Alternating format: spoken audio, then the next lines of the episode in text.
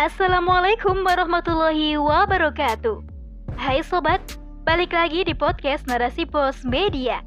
Kali ini bersama saya Dewi Fitriana dalam rubrik opini dengan tema Pernikahan Dini Akibat Kebebasan Berekspresi oleh Ira Rahmatia. Pernikahan anak semakin marak terjadi selama pandemi. Hal ini memberikan kekhawatiran pada sejumlah elemen masyarakat, baik di Indonesia maupun masyarakat internasional. Dilansir dari liputan6.com, Persatuan Bangsa-Bangsa alias PBB mengecam praktik pernikahan paksa di bawah umur. Kecaman ini muncul setelah kematian seorang remaja perempuan Zimbabwe berusia 14 tahun usai melahirkan. Insiden ini memicu kemarahan warga dan aktivis HAM. Laporan dari statistik resmi menunjukkan bahwa satu dari tiga gadis Zimbabwe dinikahkan sebelum usia 18 tahun. Pemerintah di Zimbabwe kerap menutup mata terhadap praktik perkawinan anak. Negara ini memiliki dua perangkat hukum pernikahan, yakni Undang-Undang Perkawinan dan Undang-Undang Perkawinan Adat. Tidak ada dari dua undang-undang itu yang memberikan batasan usia minimum untuk menikah, sedangkan hukum adat memperboleh poligami. Praktik pernikahan anak yang tak sesuai syariat dapat merenggut masa depan generasi. Hal ini dipicu oleh penerapan sistem kapitalis sekuler yang menjadi acuan dalam bernegara. Masyarakat pun terkena dampaknya. Kurangnya pendapatan kepala keluarga mengakibatkan kaum ibu banyak yang harus bekerja di luar rumah, sehingga anak yang ia miliki banyak dititipkan kepada para pembantu rumah tangga dan sanak keluarga. Pengasuhan anak yang tidak ideal ini membuat anak merasa tak terjaga. Mereka membutuhkan sosok yang mampu melindungi. Akibatnya, dengan lingkungan yang serba sekuler ini, mereka banyak mendapatkan penjagaan tersebut dari lawan jenisnya. Sehingga tak jarang banyak yang memilih berpacaran walau usianya masih belum matang. Hal ini berkaitan erat pula dengan pendidikan agama dan akhlak dari keluarga yang juga di sekolahan yang sangat kurang. Pun ditambah kurangnya penjagaan akidah dari negara membuatnya semakin tak terkendali. Tak bisa dipungkiri, anak memang memiliki kecenderungan mengikuti hal-hal yang baru dan dirasa mengesankan. Framing kebebasan yang beredar di media sosial menjadi sebuah contoh yang nyata yang mereka rasa perlu ditiru agar eksistensinya di lingkungan semakin dihargai.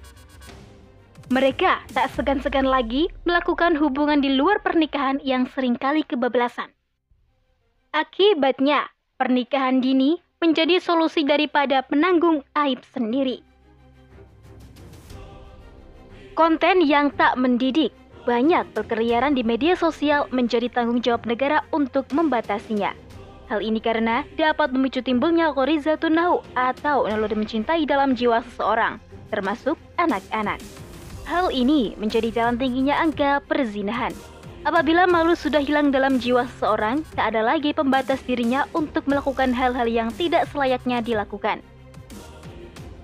Tiada pula hukum yang dapat menimbulkan efek jerah membuat remaja masa kini tak takut berpacaran karena merupakan salah satu hak yang dijamin oleh negara sebagai hak asasi manusia. Ya, tidak semua yang berpacaran itu berzina, namun sebagian berzinahan dimulai dari berpacaran. Dalam Islam, hukum bagi pelaku zina ialah dicambuk 100 kali serta diasingkan selama setahun lamanya. Dalam Islam, pengelolaan sumber daya alam dikelola langsung oleh negara, sehingga hasilnya bisa mensejahterakan masyarakat sehingga kaum ibu tak lagi harus bekerja di luar rumah untuk mendapatkan penghasilan. Alhasil, kaum ibu hanya fokus untuk mendidik anaknya sebaik mungkin, meningkatkan pemahaman anak-anak dengan Islam kafah. Selain itu, perlu penjagaan akidah dari negara melalui pembatasan penyiaran film-film yang dapat merusak generasi pemerintah akan menutup segala akses masuknya pemahaman asing yang dapat ditiru oleh anak-anak. Islam adalah agama yang paripurna, mengikat berbagai aturan sehingga manusia bisa hidup beradab. Terdapat banyak sekali aturan yang jika diterapkan akan memberi perlindungan dan pemenuhan hak secara maksimal dan hakiki pada generasi. Mulai dari hak hidup, hak mendapatkan pengasuhan dan pendidikan terbaik, hak nafkah, hak keamanan, dan lainnya.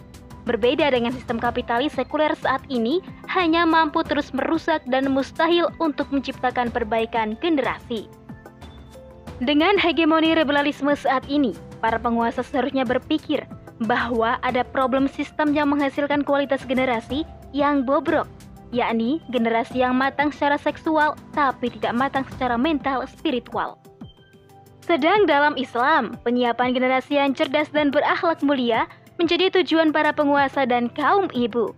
Dengan sistem pendidikan Islam yang mumpuni, semua itu bisa melahirkan generasi yang unggul. Contohnya pada masa kekhilafahan, banyak ulama yang dihasilkan karena peradaban dan kekuasaan Islam. Tak hanya mencerdaskan, namun membentuk anak yang bervisi surga, bermanfaat bagi manusia, sehingga tidak menjadi masalah ketika seorang anak yang sudah balik menikah menurut pandangan syarak karena dalam Islam tidak ada disebut remaja, melainkan setelah balik mereka sudah disebut dewasa. Hal ini karena persiapan yang matang dari anak kecil, bahkan sejak dalam kandungan. Inilah yang membuat umat Islam memiliki SDM yang unggul, siap diperdayakan untuk membangun peradaban. Wallahu alam bisawab.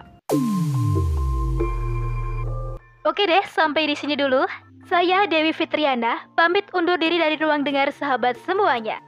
Sampai jumpa di rubrik opini selanjutnya, tentunya di podcast Narasi Pos.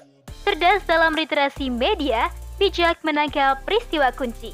Wassalamualaikum warahmatullahi wabarakatuh.